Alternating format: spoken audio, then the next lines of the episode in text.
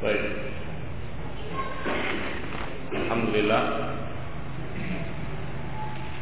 Nahmaduhu wa nasta'inuhu wa nastaghfiruh. Wa na'udzu billahi min shururi anfusina wa sayyi'ati a'malina. Wa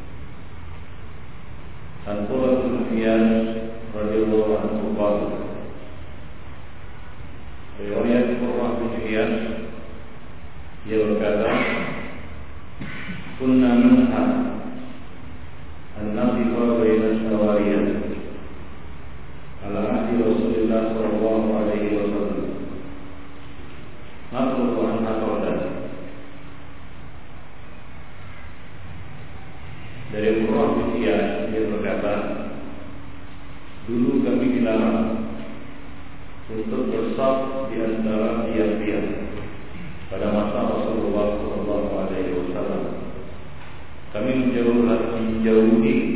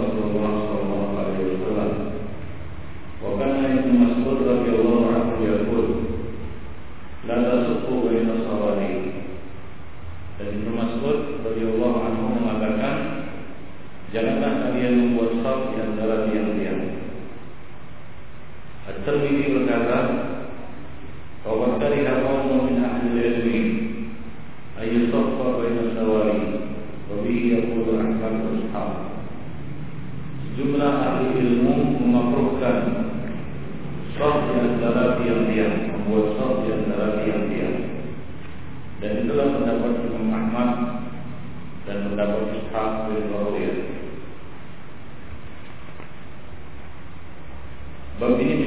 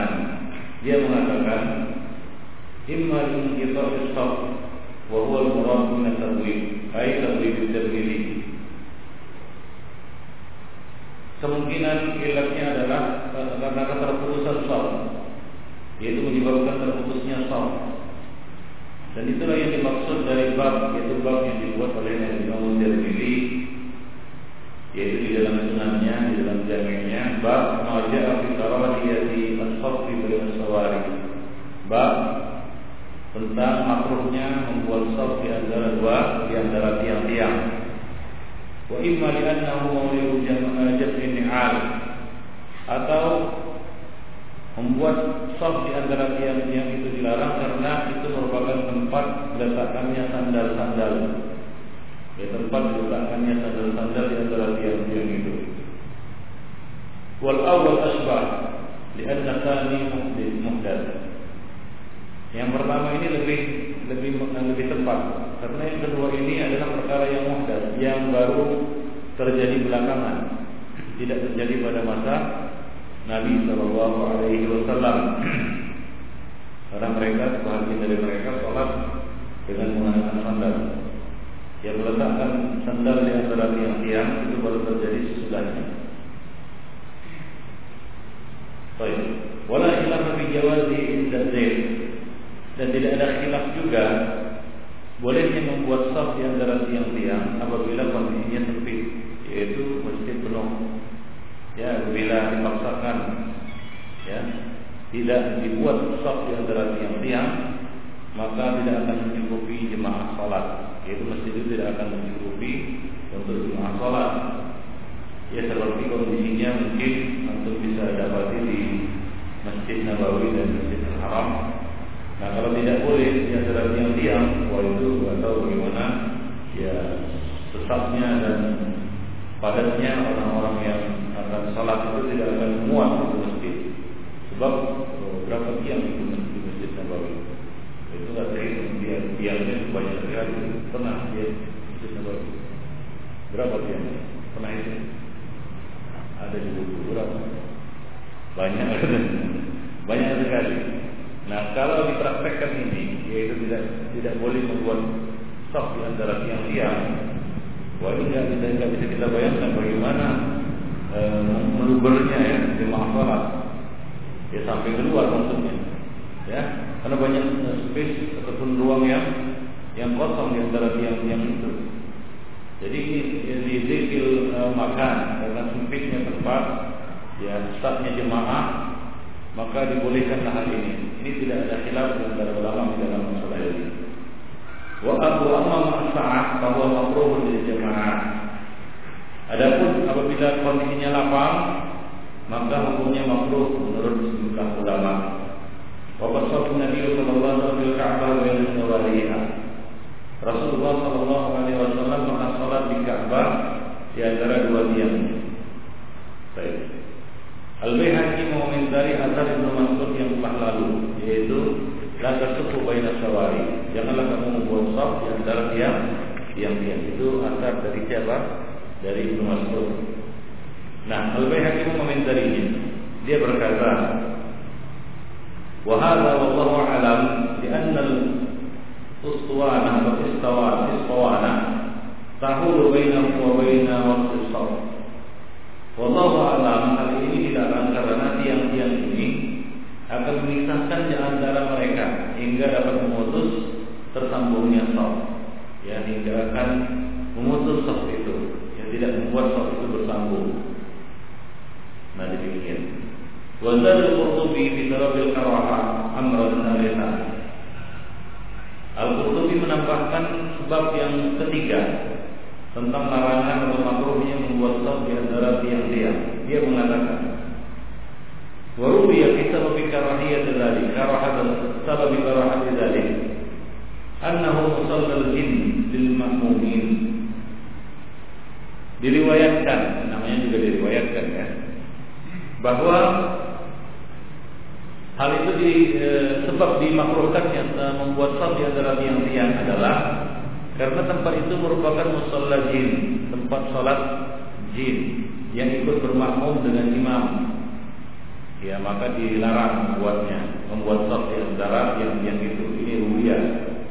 Ya wal aujah bisa bil mana adapun yang paling tepat tentang ilat larangan tersebut adalah fatul saf karena itu dapat memutus saf wallahu a'lam. Ya jadi bukan karena ya, seperti disebutkan ini tempat meletakkan sendal dan bukan juga karena itu adalah tempat bersoknya para jin yang ikut bermakmum dengan apa namanya dengan uh, bani Adam. Tapi ya, sebabnya adalah tempat usaf Allah Taala karena dapat memutus saf oleh karena itu Imam Malik mengatakan la ba'sa bisufufi bainal asafin idza baqa masjid. Tidak mengapa membuat saf di antara tiang-tiang apabila masjid itu penuh saf ya sehingga tidak mungkin membiarkan tempat yang kosong ya yang tidak terisi.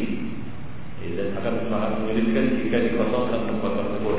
Ya sementara manusia menugur sampai ke keluar.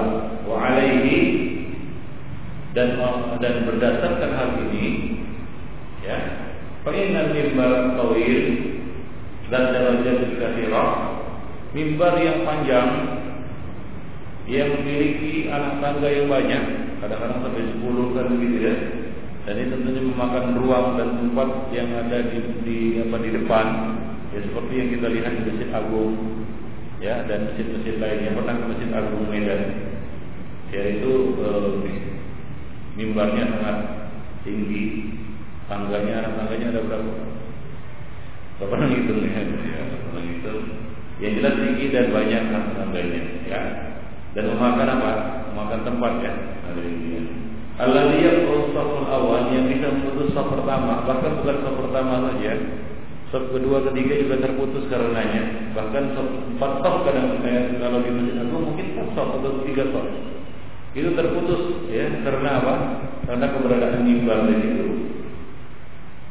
Wataratan asani ayat dan kadang-kadang juga memutus saf yang kedua juga. Ya, di hukum syariah hukumnya sama seperti hukum tiang. Ya, hukumnya sama seperti hukum tiang. Ya, nah kalau masjid sempit boleh, tapi kalau masjidnya lapang, ya tidak ada jamaah misalnya, ya sholat subuh atau sholat zuhur atau sholat asar yang jemaahnya itu sedikit, ya tidak padat kecuali Jumat mungkin ya kalau Jumat kan padat, lah diisi itu satu dua tiga satu dua tiga ya. Nah, tapi kalau dalam kondisi, kondisi lapang, maka hukumnya sama dengan hukum tiang, ya tidak boleh membuat sop di antaranya, terpisah darinya. Artinya apa? Bagian tertentu dari mimbar itu tidak boleh diisi dengan apa? Jemaah akan terputus, ya, nah demikian.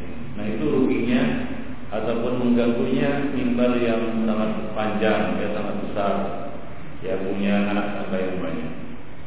Syalbani mengatakan uh, di dalam kitabnya yaitu silsilah hadis sahihah Inna ma yaqra'u al-mimbar saf idza kana mukhalifan li mimbar Nabi sallallahu alaihi wasallam. Sesungguhnya mimbar itu dapat memutus saf jika mimbar itu bentuknya menyelisih mimbar Rasulullah sallallahu alaihi wasallam. Ya, mimbar Rasulullah fa innahu kana lahu thalathah darajat. Mimbar Rasulullah memiliki tiga anak tangga. Satu, dua, tiga. Kalau yang rati usaf bimislihi. Nah kalau seperti itu saf tidak terputus karena keberadaan mimbar yang sesuai dengan sunnah Rasulullah Shallallahu Alaihi Wasallam. Lihat imam yakifu bijadi bidarajat dan dunia minha. Nah kalau uh, seperti ini, ya kalau mimbarnya uh, tiga tingkat seperti ini, tiga anak tangga, itu biasanya tidak memutus saf. Kenapa? Karena biasanya imam berdiri di apa tempat ya di uh, Anak tangga yang paling rendah, yang paling bawah, ya sejajar dengan apa? Anak tangga yang paling bawah, ya. Nah, fakana min syu'mi min syu'mi mukhalafat sunnah fil mimbar. Ya, al-wuqu' bin nahi alladhi fi hadzal hadis. Dan termasuk ya apa namanya? ke eh, keburukan menyelisih sunnah di dalam mimbar adalah jatuhnya mereka ke dalam larangan yang ada di dalam hadis ini. Ya, karena mimbarnya terlalu besar akhirnya itu menjadi sunnah. Mereka jatuh ke dalam apa? Satu yang dilarang ya yaitu membuat sab di antara mimbar tersebut. Atau terpisah dengan apa? Dengan mimbar tersebut. Wallahu a'lam Pemirsa dari kafikat sab demikian pula yang dapat memutus sab adalah al-mudafi' al-mudafi' allati tuḍa fi ba'd al-masajid yaitu madafik di sini adalah uh, alat untuk pemanas ya. Nah biasanya di musim dingin ada letakkan madafik. Madafik artinya untuk menghangat, menghangat ruangan. Ya, menghangat ruangan. Ya khususnya di tempat-tempat yang ada musim dinginnya. Mereka meletakkan di situ pemanas, pemanas ruangan. Alat itu untuk ba'dil masajid yang diletakkan di sebahagian masjid wada'an dia terang minhu usab. Nah kadang-kadang itu diletakkan di tengah-tengah hingga bisa memutus sal. Nah, kalau di sini kipas angin ya. Tapi jarang kipas angin diletakkan di tengah-tengah. Biasanya diletakkan di atas di dinding. Baik. Nah, pemanas biasanya diletakkan di tengah-tengah. Ya tidak di samping atau di atas atau di depan. Dan e, peletakan tersebut ya bisa memutus saf duna ayat tadi di hadis mahdur imam al-masjid wa hadim min al-musallin ya tanpa ada yang tahu ya terhadap perkara yang dilarang ini baik itu imam masjidnya ataupun salah seorang yang sholat di situ ya libu'din nasi awalan an tafaqquh fid din wa thaniyan li adami mubalatihim bil ibtida' bil ibti'ad amma nahaa musyari wa karihahu jadi ada beberapa sebab karena jauhnya manusia dari apa tafakuh fikih ya dari ilmu agama. Yang kedua karena mereka tidak peduli ya untuk menjauhkan diri bagaimana cara menjauhkan diri dari apa yang dilarang oleh syariat dan yang dimakruhkannya. Nah, Jadi ya kita katakan tidak kepedulian kaum muslimin atau sebagian kaum muslimin demikian juga kejahilan mereka tentang jauhnya mereka dari ilmu agama membuat mereka tidak peka terhadap hal-hal semacam ini. Baik. Wayang wayang bagi ayulan. Oleh karena itu harus diketahui anna kullu man yas'a ila ila wad'i mimbar tawil qatilun lis-sufuf aw yad'u الذي تقطع الصفوف فإنه يخشى أن يلحقه نصيب واقع في قوله تعالى من قطع صفا قطعه الله Nah, perlu diketahui bahwa siapa saja yang sengaja meletakkan mimbar yang panjang itu yang bisa memutus saf atau meletakkan alat pemanas yang dapat memutus saf dikhawatirkan atau tidak ditakutkan ia jatuh ia mendapatkan bagian yang disebutkan oleh Rasulullah dalam sabda beliau man qata'a saffan Allah. Barang siapa yang memutus saf maka Allah Subhanahu wa taala akan memutusnya. Ya? Allah Subhanahu wa taala akan memutusnya. Jadi janganlah buat sesuatu ataupun meletakkan sesuatu yang bisa memutus saf. Allah Nah kalau dia gimana? Tukangnya yang salah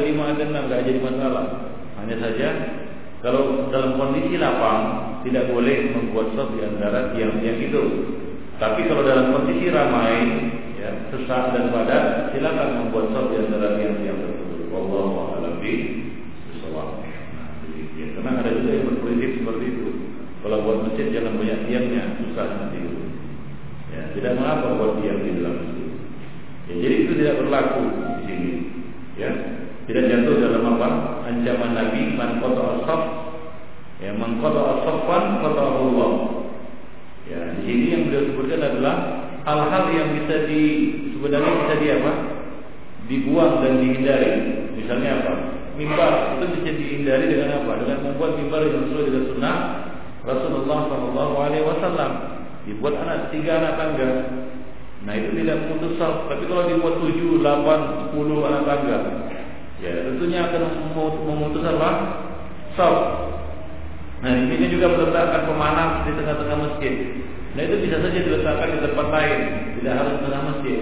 Nah, bagi yang meletakkannya atau menyuruh orang untuk meletakkannya di tengah-tengah masjid hingga dapat memutus saf, ya, dikhawatirkan dia kena sabda Nabi Shallallahu Alaihi Wasallam dan qata'a safan qata'a Allah. Kalau dia akan memutus saf, maka dia maka Allah Subhanahu Wa Taala akan memutusnya. Baik, Nah kalau di Mekah itu yang pertama ada ada apa ya? Ada sandarannya, ada sandaran sandaran untuk duduk itu ada sandarannya. Gitu. Nah itu tidak memutus sok, ya. Jadi hal yang melintang seperti ini itu tidak memutus sok. Yang memutus sok itu yang mem, apa namanya, membujur ini, membujur ini. Nah, itu akan memutus sok. Tapi kalau yang melintang seperti itu tidak. Nah, kita dapati ya di masjid-masjid sebagian masjid di Mekah itu di saf pertama dibuat semacam apa sandaran sandaran. Iya ada sandaran kan gitu ya. Jadi bisa nyandar yang di saf pertama. Nah itu tidak termasuk yang memutus saf ya, karena hal yang melintang seperti ini itu tidak memutus saf tapi kalau dia membujur seperti ini maka itu bisa memutus saf mimbar ya atau apa pun ya. Paham nah demikian yang kita dari Allah baik ya, jadi yang memutus sop itu antara dua sop, bukan sop pertama dengan sop yang kedua. Nah, itu sandaran itu itu memisah apa namanya? Tentunya menghalangi antara sop pertama dengan sop ke kedua. Tapi bukan itu yang dimaksud dengan memutus sop. Paham? Bisa dibayangkan kondisinya? Ya. Mana yang disebut memutus sop? Ada dua orang berdiri di sini. Yang satu lagi. Ini sop kedua, sop pertama. Nah, kemudian ada yang melintang di sini. Ini disebut memutus sop atau tidak? Hah? Tidak. Jadi hal yang melintang seperti ini, nah, itu tidak memutus. Yang memutus itu adalah yang memisahkan antara dua orang ini. Misalnya di sini ada manap, nah terpisah. Nah inilah yang memutus sop. Paham? Adapun yang sesuatu yang melintang seperti ini itu tidak memutus walaupun di sini terpisah jadinya sop yang ini dengan yang ini kan terpisah. Ya nah ini tidak termasuk memutus sop yang memutus itu adalah memutus antara dua orang yang berdempetan tadi. Allah paham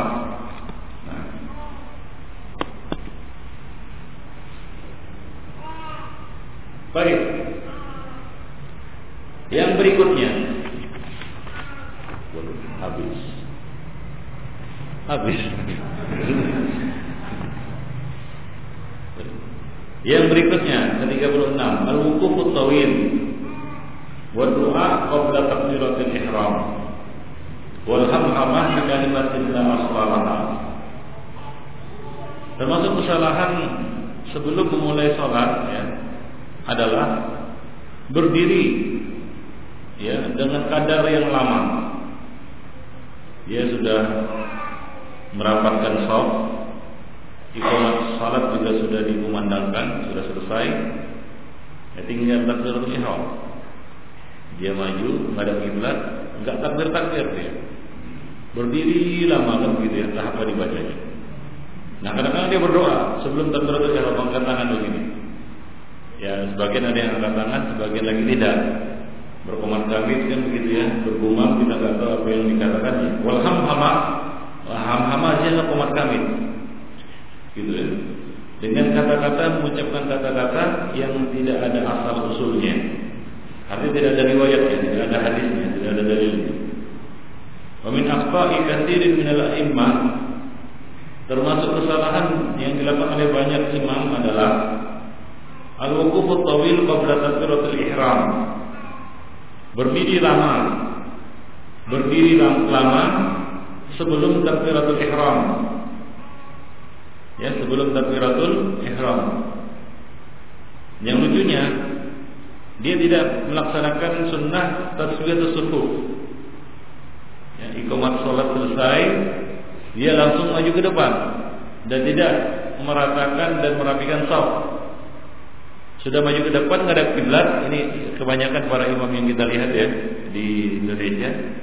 Maju dia habis komat langsung maju dia nggak nggak meriksa meriksa sok lagi. Nah berdiri lama begitu. Kita kadang-kadang nunggunya capek juga nah kadang-kadang dia komat kami angkat tangan dan kadang-kadang membaca beberapa surat seperti kulahu birabbin nas kan gitu ya nah. lalu kemudian baru takbir ya Sebabnya adalah imma al-waswasah bila bin talaffuz niyah. Ada beberapa sebab kenapa dia berdiri lama di sini. Yang pertama, kemungkinan niatnya belum masuk. Kena was-was di dalam mengucapkan niat. Belum kena dia, belum masuk. Ya, jadi nggak takbir takbir dia.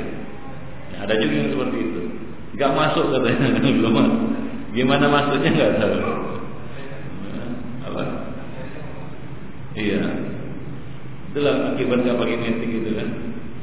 nggak masuk masuk giginya nggak jalan-jalan dia dia apa namanya gini-gini aja gitu nyendet-nyendet dia ngelitik dia. Di sini. Jadi nggak masuk masuk dia. Jadi nggak takbir takbir lama kali ini ditunggu baru masuk dia. Cak masuk. Baru jalan dia gitu. Itu pun pakai macam apa namanya? Jam diperlambat gitu gerakannya kan gitu. Gitu. Nah, seperti itu. Ya itu yang terjadi dan sering kita lihat. Karena memang seperti itu.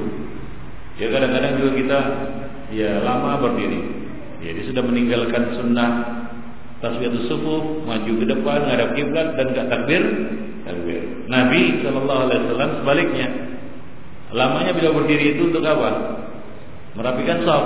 Nah, begitu beliau maju menghadap kiblat, langsung takbir. Coba lihat perbedaan yang menyolok antara keduanya. Ya. Nah, serat berapa berarti? 180 derajat bertolak belakang.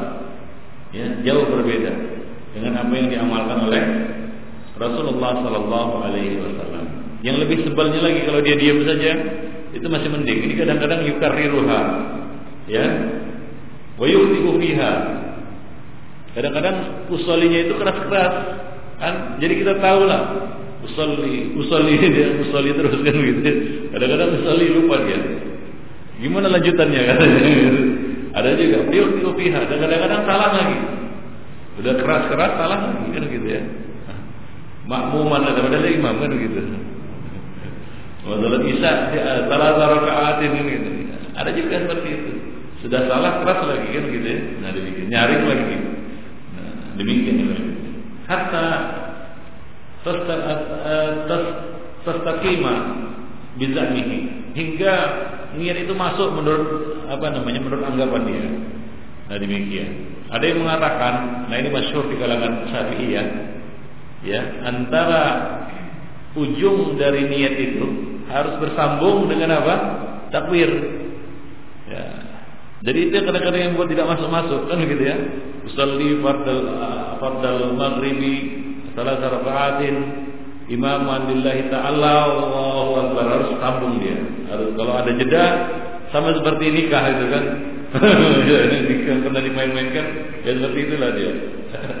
ya waktu apa waktu ijab kabul kan gitu ya harus harus apa namanya gayung bersambut istilahnya. Nah, seperti itu juga ah.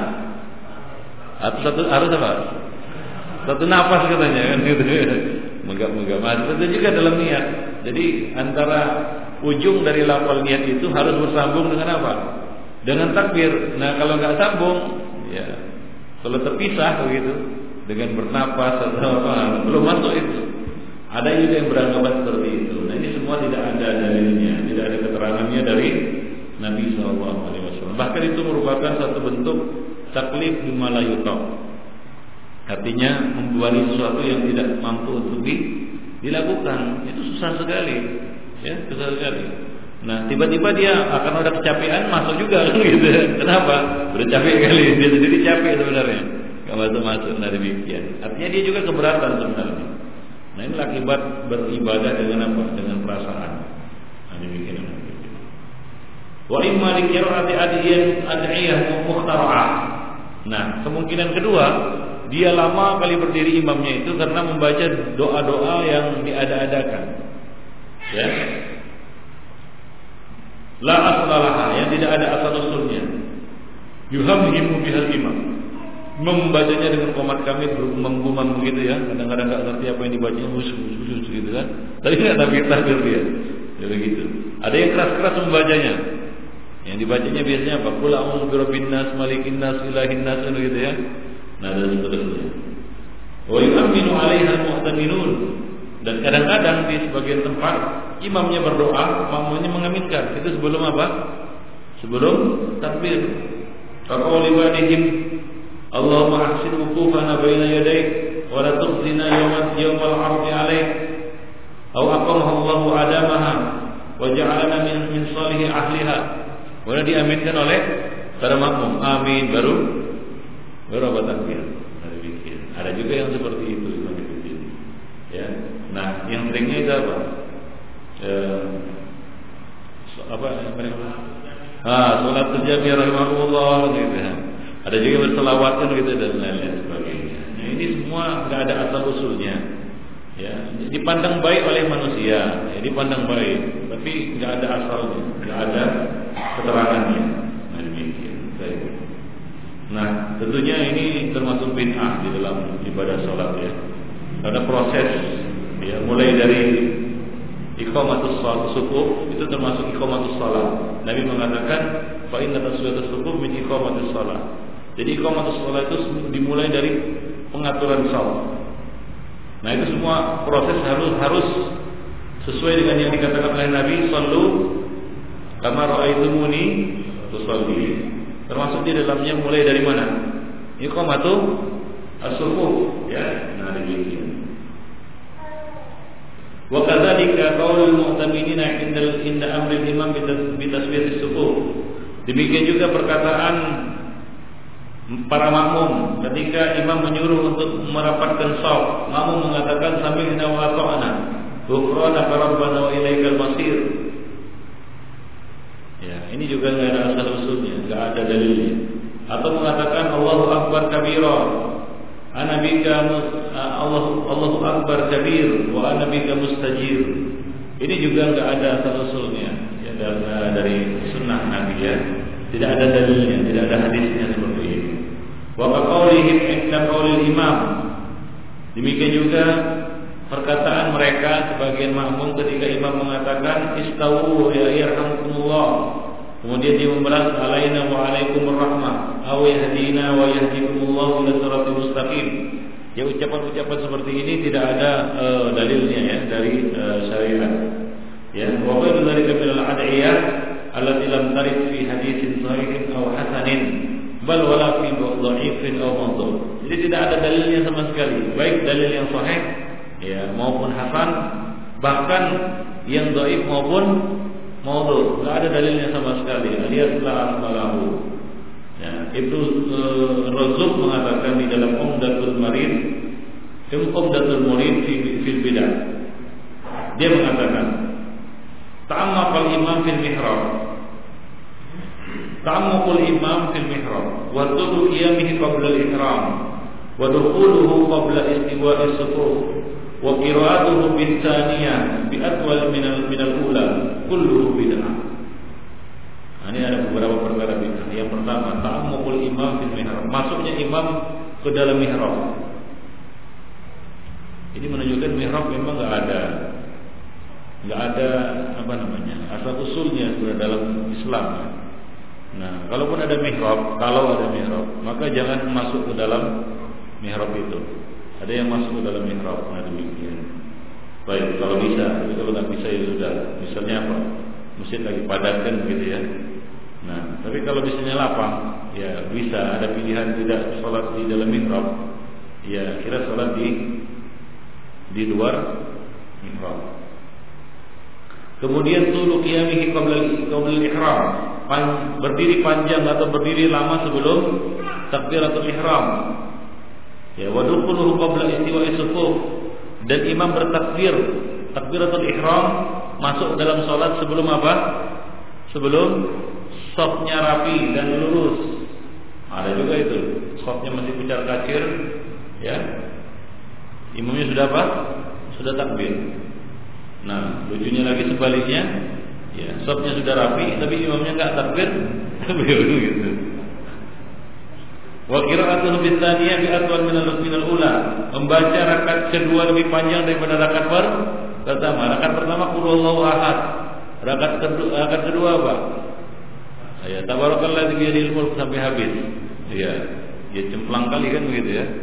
Nah, jadi ya sunnahnya rakaat pertama lebih panjang daripada rakaat ke kedua itu sunnah Rasulullah sallallahu alaihi wasallam di dalam ya pembacaan ya. Nah, wa kulluhu bid'ah dan semua itu adalah apa? bid'ah di dalam ibadah, ibadah salat. Walituli qiyamil imami sayyi'ah. Lamanya imam berdiri itu ada keburukannya. Qatab sudu ala ba'dil mu'taminina salatahu. Di mana dia dapat merusak salat ya para makmum. Ya, bisa merusak salat para makmum, merusak konsentrasi mereka. Mereka sudah siap-siap salat tapi enggak takbir, takbir. Haitsu la yarawna al-imam, di mana mereka tidak melihat imam. Nah, maksudnya eh, apa namanya kita katakan? Sop yang belakang. Mereka pikir imam sudah apa? Takbir. Ternyata imam belum takbir lama berdiri kan dipikir sudah sop sudah sudah salat. Lalu mereka ber bertakbir sendiri, rupanya baru imam yang takbir. Allahu Akbar bingung mereka kan gitu. Bacar kacir mereka, batal takbir lagi kan begitu. Jadi ini merusak sholatnya para makmum, khususnya yang di belakang yang jauh. Baik, apalagi masjidnya besar kan gitu ya. Ini kalau jadi kalau jadi imam Masjid Nabawi kacau balau ini, kan? Imam jauh di depan itu kan ya. Kemudian dia udah selesai apa namanya istawu darasu lama kali takbirnya kan dipikir sudah sudah takbir saja itu. Nah demikian. Baik. Bisa bagi di mimbar karena mungkin mimbarnya yang lebar atau panjang. Fayanuna qablahu. Ya. Zannan minhum annahu annahu nawam. Ya, lalu mereka berniat sebelumnya dan mereka mengira bahwasanya imam sudah berniat. Fa idza kabbara takbiratul ihram dhannu annahu raka wa la yazalu. Nah, karena terhalang pandangannya, apalagi kaum wanita kan begitu ya. Imamnya lama sekali berdiri dan sambil takbir, ya, tiba-tiba takbir, orang di, di belakang sudah takbir duluan. Nah, ketika dia takbir, dikira apa? Takbir ruku. Nah, udah kacau balau itu salat. Nah, demikian Jadi ada keburukan-keburukan yang timbul akibat menyelisih sunnah Nabi ini. Jadi ini termasuk kesalahan yang dilakukan oleh uh, para imam sebelum takbiratul ihram. Azanillah Nah, sudah habis, nggak lagi. Apalagi mau dibaca nggak ada. Baik, ya nanti akan kita lanjutkan pada teman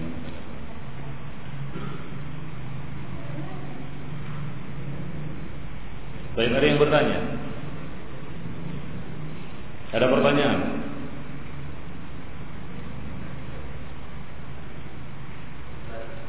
Nah.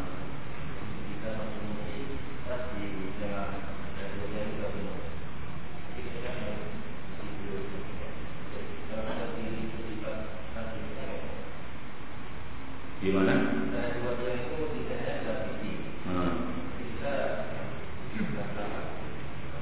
belakang. Iya. Iya.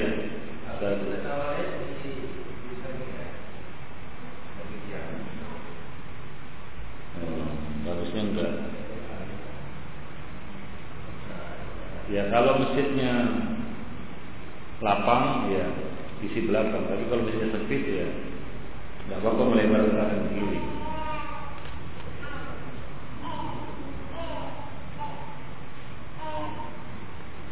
pada suatu keadaan sholat maghrib berjamaah makmum wanita apa ini? semua ya, siapa yang bertanya ini pada suatu keadaan sholat maghrib berjamaah makmum wanita semua gitu hanya sendiri apa maksudnya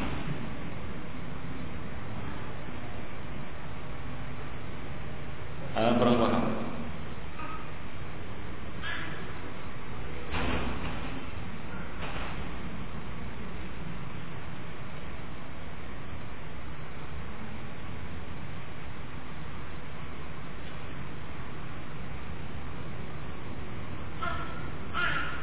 Seseorang datang ke masjid dan mendapati sholat berjamaah sedang dilaksanakan.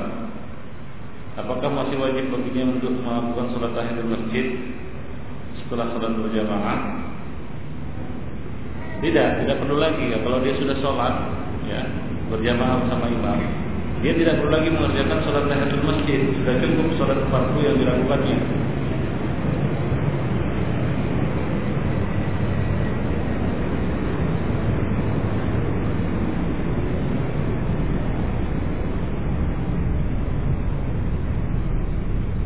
Bila seorang makmum mendapati imam sudah tidak bangkit berdiri dari rukuk, pada rakaat terakhir salat maghrib.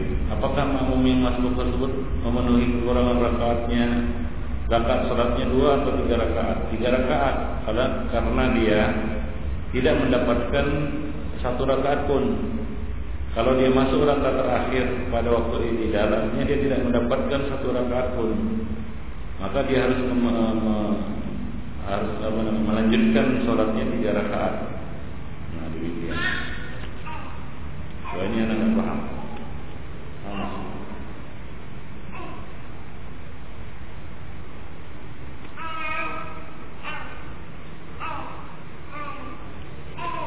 Baik, ada lagi yang bertanya?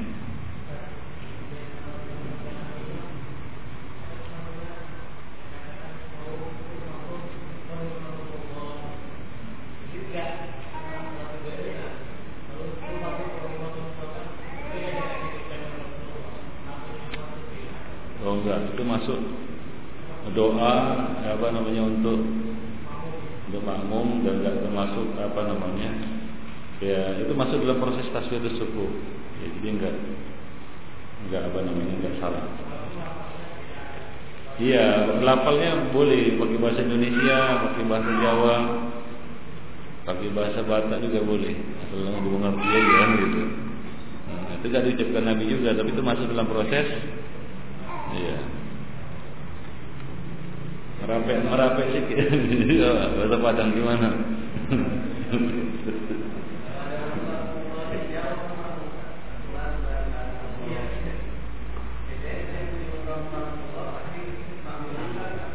Nah itu nggak ada itu contohnya. Itu nggak ada balasan dari makmum nggak ada. Hah? Iya, makmum nggak jawab apa-apa.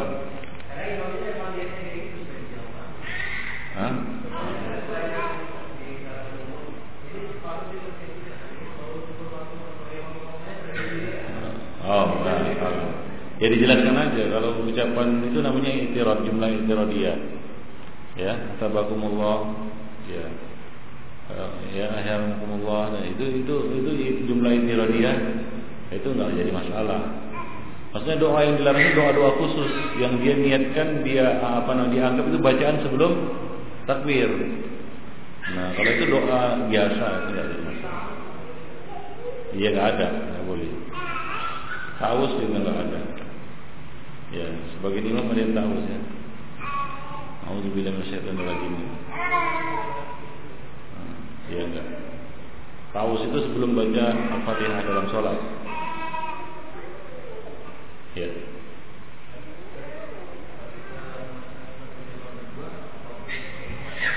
Hah? Ya dipakai, pakai, tapi tidak wajib. Ya, tapi dianjurkan untuk beriqamah gitu.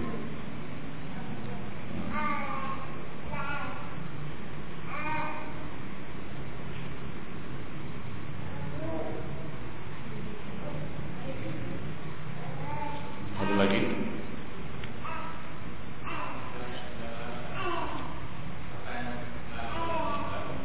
Hmm.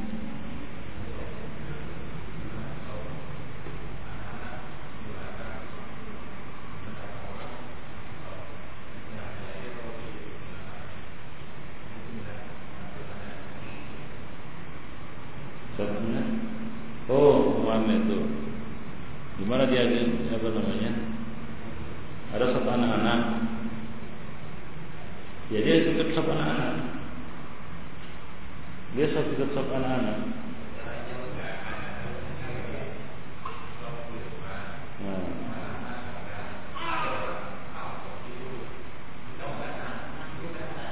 Nah, bu,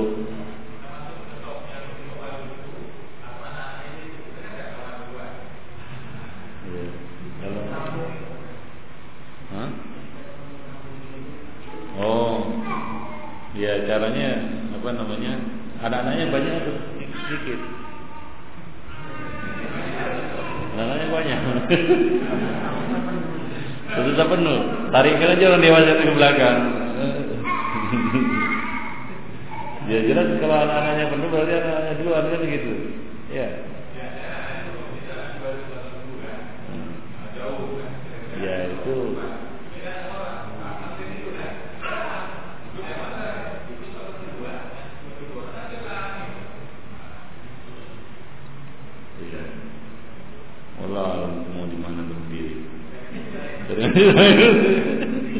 Allah alam saya nggak tahu itu. Berdiri aja di mana tuh surga. Sah sah hati. Tapi bagusnya sama anak-anak itu, biar tahu orang dewasa itu. Sendiri dia. Hah? Hah? Enggak, itu juga kesalahan di atas kesalahan. Kesalahan pertama, anak-anak dibuat sop di belakang sendiri, itu salah.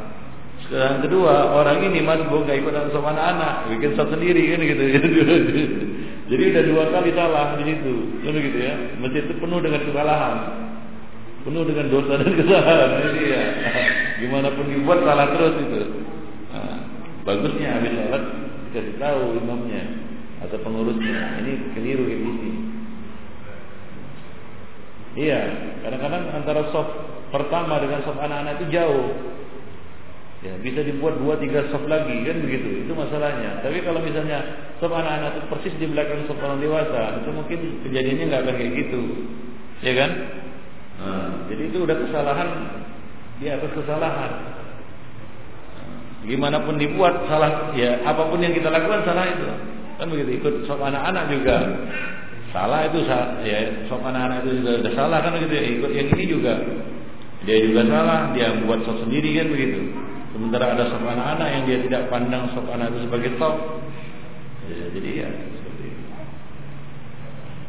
itu nggak pernah pun terjadi pada zaman Nabi anak juga nggak pernah baca fatwa ulama berkaitan dengan masalah ini karena kejadian itu cuma terjadi di Indonesia repot Di Saudi nggak ada kejadian kayak gitu mungkin, nggak ada fatwa ulama ya, nggak ada juga pertanyaan seperti itu gitu.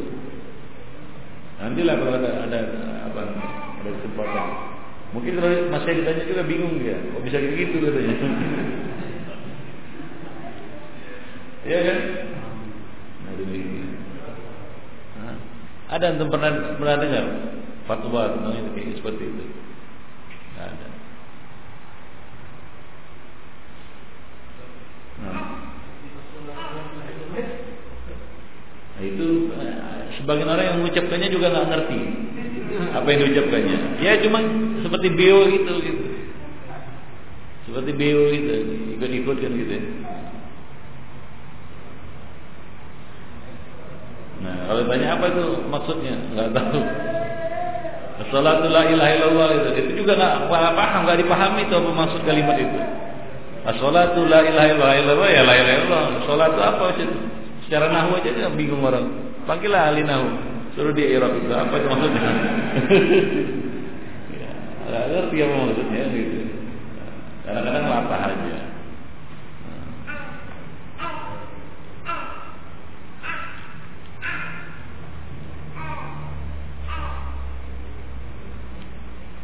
Mungkin as-salatu mubtada, la ilaha illallahnya khabar gitu. Antara mubtada khabar enggak ada enggak nyambung gitu. Enggak nyambung. itu dari mana itu asal usulnya? Ya itu sering kita dengar itu di masjid-masjid kan gitu ya. Gimana? Siapa yang pengalaman kayak gitu kayak gitu? Nah, apa? Iya gimana gimana? Apa namanya? Lengkapnya gimana? As-salatu jami'ah rahimakumullah. Terus?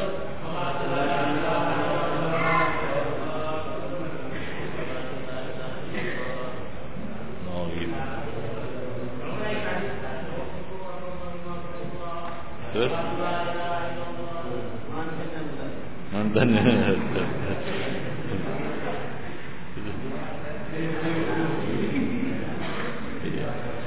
Ya, namanya juga apa namanya orang-orang tua gitu kan ngajari kepada anak-anak muda yang salah. Ya, ya udah kesalahan terus ya beruntun dia. Dari generasi ke generasi ya generasi mudanya apa yang blow on juga kan ikut-ikut aja apa yang dibuat orang tua kan begitu ya. Ya, itu juga yang diucapkan kan gitu. Ditanya apa maksudnya nggak ngerti gitu ya udah. Itulah dia cara beragama orang Indonesia.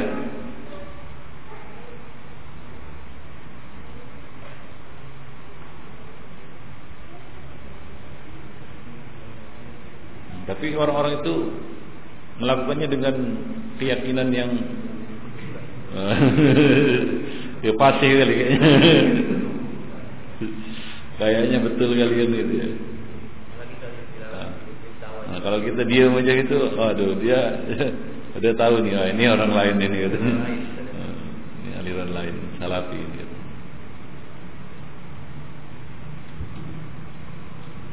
Yang lebih aneh lagi habis sholat keliling-keliling kan itu salaman kan baca salawat gitu. Ya. Ini bid'ah-bid'ah seperti ini kebanyakannya berasal dari Mesir. Nah, yang merusak apa namanya di Indonesia ini ya yang dari Mesir-Mesir itulah kebanyakannya. Nah, apa? Ya nggak tahu lah, LC, CL kan gitu ya.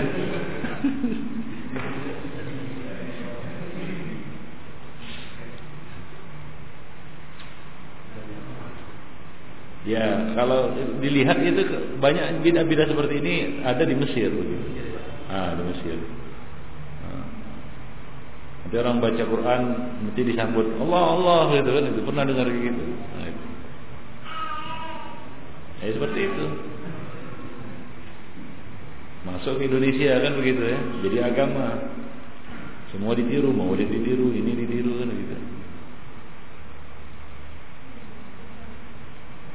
Karena sudah boleh dikatakan ratusan tahun lah Mesir jadi kiblat kan gitu. Ya baru-baru ini aja banyak dari Madinah, dari apa, apa namanya dari uh, Saudi ya, baru-baru ini aja. Gitu. Ya, jadi mungkin ya butuh 100 tahun lagi mungkin untuk membersihkan pengaruh Mesir ini ya, supaya bersih betul. Sekarang belum bersih betul itu. Ya tergantung bagaimana regenerasi mereka lah.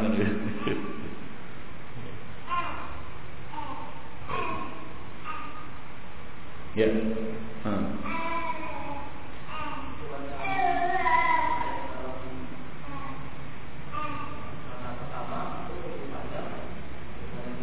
Iya. Sunnahnya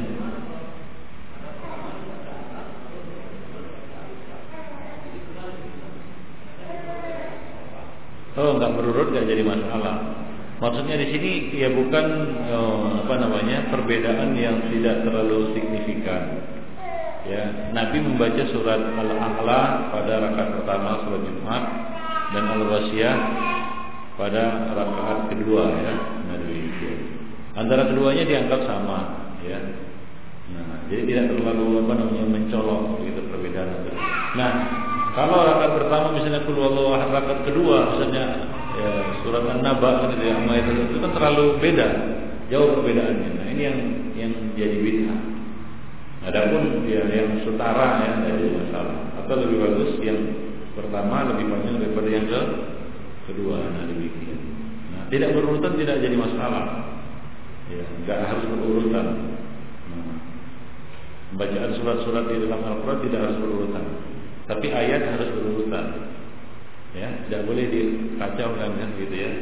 Baca qul huwallahu ahad dari mana? Lam yalid wa lam yulad wa lam yakul lahu kufuwan ahad. Qul huwallahu ahad Allahu samad Allahu akbar. Kacau ini. gitu. Enggak boleh. Ya. Ya, tapi merubah surat urutan surat boleh.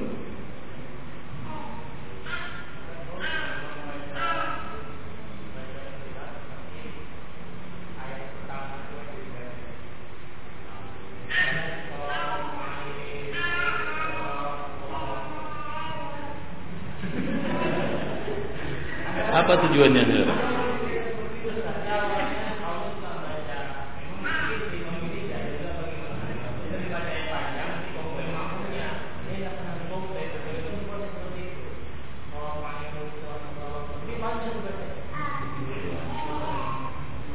Apa tujuannya? Ya, membaca satu satu ayat Fakra umat ayat minhu itu dipahami oleh apa pun ayat mana pun yang dibacanya di dalam Al-Quran sah. Ya cuma di sini ya tujuannya apa? Ada orang tujuannya itu untuk bermain-main, nggak boleh. Ya misalnya dia ya memotong-motong ayat, ya ayat nggak sampai selesai kan itu sengaja nggak boleh atau cuma membaca itu saja alif lam mim Allahu akbar gitu. ada yang bermain-main nah itu nggak boleh ya, tapi kalau itulah cuma yang dihafalnya mata yasara minggu maka yang nggak jadi masalah Tapi untuk bermain-main seperti itu, karena pembacaan ayat untuk didengarkan, dipahami ya, ya kan itu kan nggak tahu kan maknanya apa. Nah, itu dia. Nah iya, tujuannya apa dia buat kayak gitu?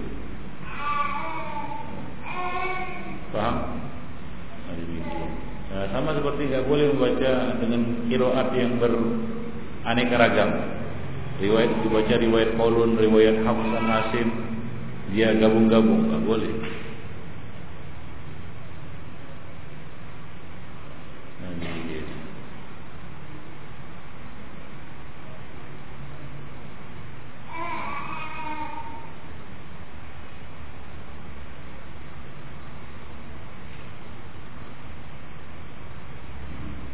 Ayat yang paling pendek apa saya tanya? Ayat yang paling pendek. Hah?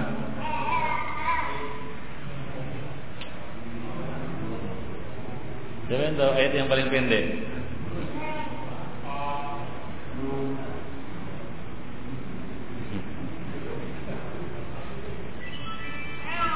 Siapa? Ada yang tahu? Ayat yang paling pendek apa? Coba baca buka Al-Quran. Coba anda lihat mana yang paling pendek? Ayat yang paling pendek. Nah, coba. Kof. Coba lihat di Al-Quran, kof aja itu ada sambungannya, makanya lihat, anjur antum lihat Quran.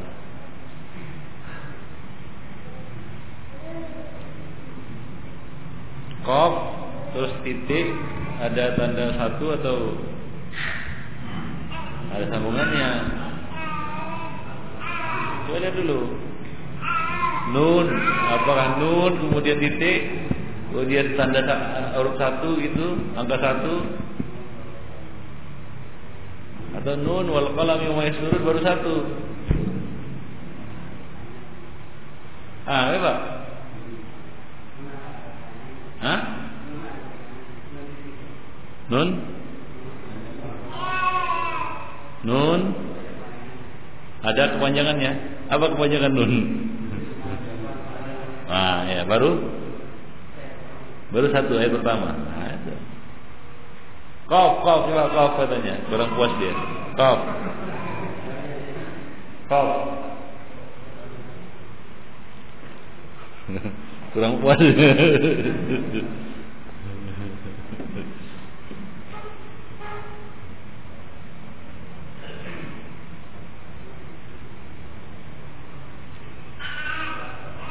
hmm?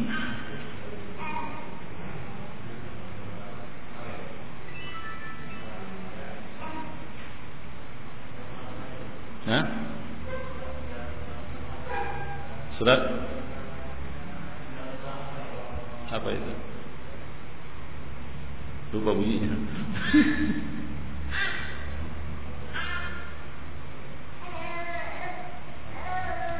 Ada pak? Surat kaf nggak tahu? Surat ayat berapa? Ada. Ada kaf kaf itu kaf titik atau gimana? Anak? Hah? Apa? Sumanadar. Surat apa itu? Al-Mudathir. Coba buka Sumanadar.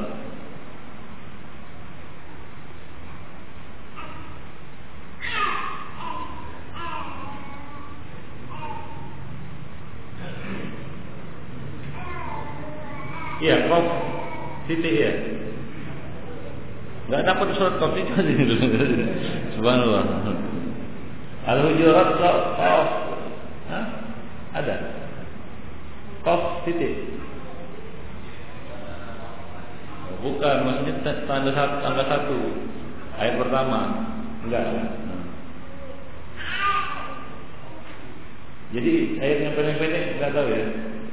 Enggak cari atau cari tadi Al-Quran itu ukur lah mana yang pendek. Hah? Siapa yang tahu? Hah? Apa itu? Kaf A Ya Ain Sod Berapa huruf itu? Enam Tujuh Wal asri Ada yang katakan wal asri Wal asri pendek ya? Wow Hah? Apa? Panjang ya?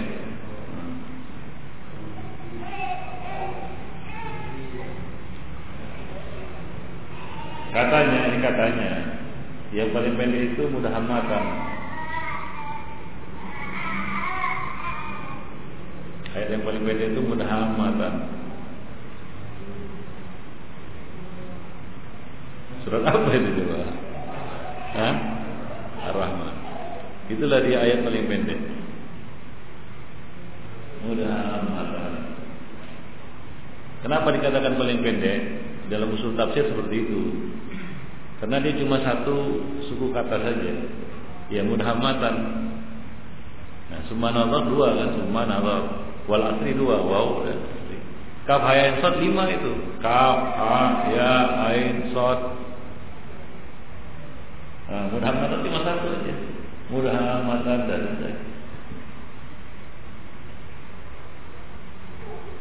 Jadi panjang pendeknya dari apa? Suku katanya.